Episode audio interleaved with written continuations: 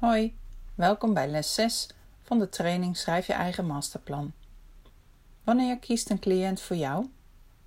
Wanneer is hij of zij overtuigd genoeg van jouw toegevoegde waarde? Dat ligt aan een aantal factoren die buiten jezelf liggen. Maar er zijn ook een aantal factoren waar je wel invloed op hebt. Bijvoorbeeld jouw presentatie als expert Jouw expertstatus is een belangrijk onderdeel van je personal branding. Daarin verwerk je je why, maar ook je professionaliteit. Een goede timing is ook een belangrijke factor. Wie zit er op welk moment op jou en jouw diensten te wachten? Stel dat je net op het goede moment iemand tegenkomt die op zoek is naar jouw expertise en toegevoegde waarde dan moet jouw presentatie daar wel goed bij aansluiten. Ik zal een voorbeeldje geven. Een aantal jaren geleden stond ik op de Kamer van Koophandel Startersdag in Arnhem. Het was een komen en gaan van mensen. Wat een drukke dag. Ik stond daar met mijn bedrijf, waarbij ik mij profileer met het ondersteunen van startend praktijkhouders.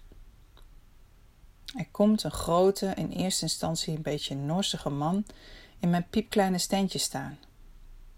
Hij vraagt mij met een wat barse stem wat ik precies doe. Hij geeft aan dat hij zelf in de bouw werkt en daarin een onderneming aan het opstarten is. Hij heeft geen hulp nodig. Maar omdat zijn vrouw een eigen praktijk wilde starten, kwam hij toch maar even met mij praten. Ik voelde me best een beetje geïntimideerd door zo'n groot figuur tegenover me, maar ik had mijn verhaal paraat. Ik weet zijn aandacht vast te houden en met mijn pitch geef ik wat voorbeelden van klanten die ik al geholpen heb. Na wat uiteindelijk een ontspannen gesprek werd, geef ik mijn visitekaartje en hij vervolgt zijn weg. Ongeveer een half jaar later krijg ik ineens een telefoontje van deze man. Of ik nog steeds mensen hielp die een praktijk wilden starten. Mijn antwoord was natuurlijk ja. Vervolgens ben ik afgereisd naar het oosten van het land en mocht ik uiteindelijk de vrouw van deze man ondersteunen in de opstart van haar praktijk. Wat maakt nu dat dit een succesvolle match was? De timing was in dit geval misschien niet perfect. Maar mijn pitch heeft mijn expertstatus ondersteund. En deze man heeft onthouden dat ik zijn vrouw goed kon helpen. Zelfs een half jaar later wist hij mij nog te herinneren en pakte hij de telefoon om me te bellen. Personal branding is de manier waarop je jezelf en jouw merk in de markt zet. Branding gaat over het gevoel wat je met jouw merk wilt oproepen. Moet jouw merk prestatie en vooruitgang oproepen? Of zit jouw boodschap meer op speelsheid en plezier?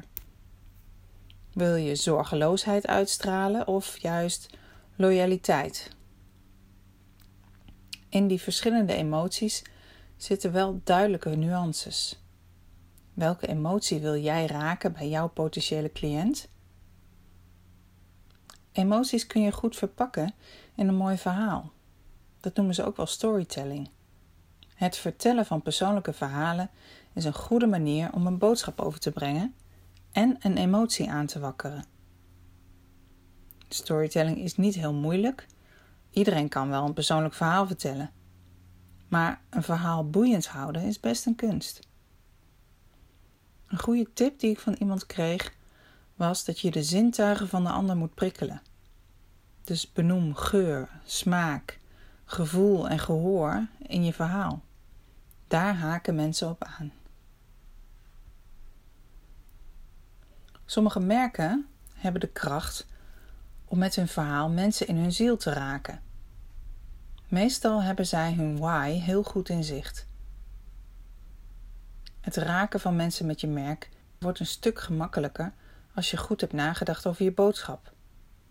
De reden waarom mensen voor je kiezen is gebaseerd op jouw keuzes, over jouw diensten, maar ook over de boodschap die je daarover communiceert. Klinkt logisch, maar ik zie echt nog heel veel websites van therapeuten waar de why totaal niet in terugkomt. Je kunt nu in de opstart al beginnen met je netwerk op de hoogte te brengen van je ondernemersplannen. Hoe? dat mag je zelf bepalen. Wat voor jou passend is. Maar onthoud, een goed verhaal vanuit je eigen why en waarin je een emotie aanspreekt van de luisteraar, wordt veel beter onthouden. We beginnen deze les met hoe jij jouw merk presenteert. We gaan wat dieper in op storytelling en de boodschap die je bewust en onbewust bij je toehoorder in zijn of haar systeem kunt achterlaten. Je gaat namelijk jouw elevator pitch schrijven. Ook gaan we verder in op jouw branding. Welke emoties jij wilt koppelen aan jouw merk en met welke beelden je dit associeert. Veel succes!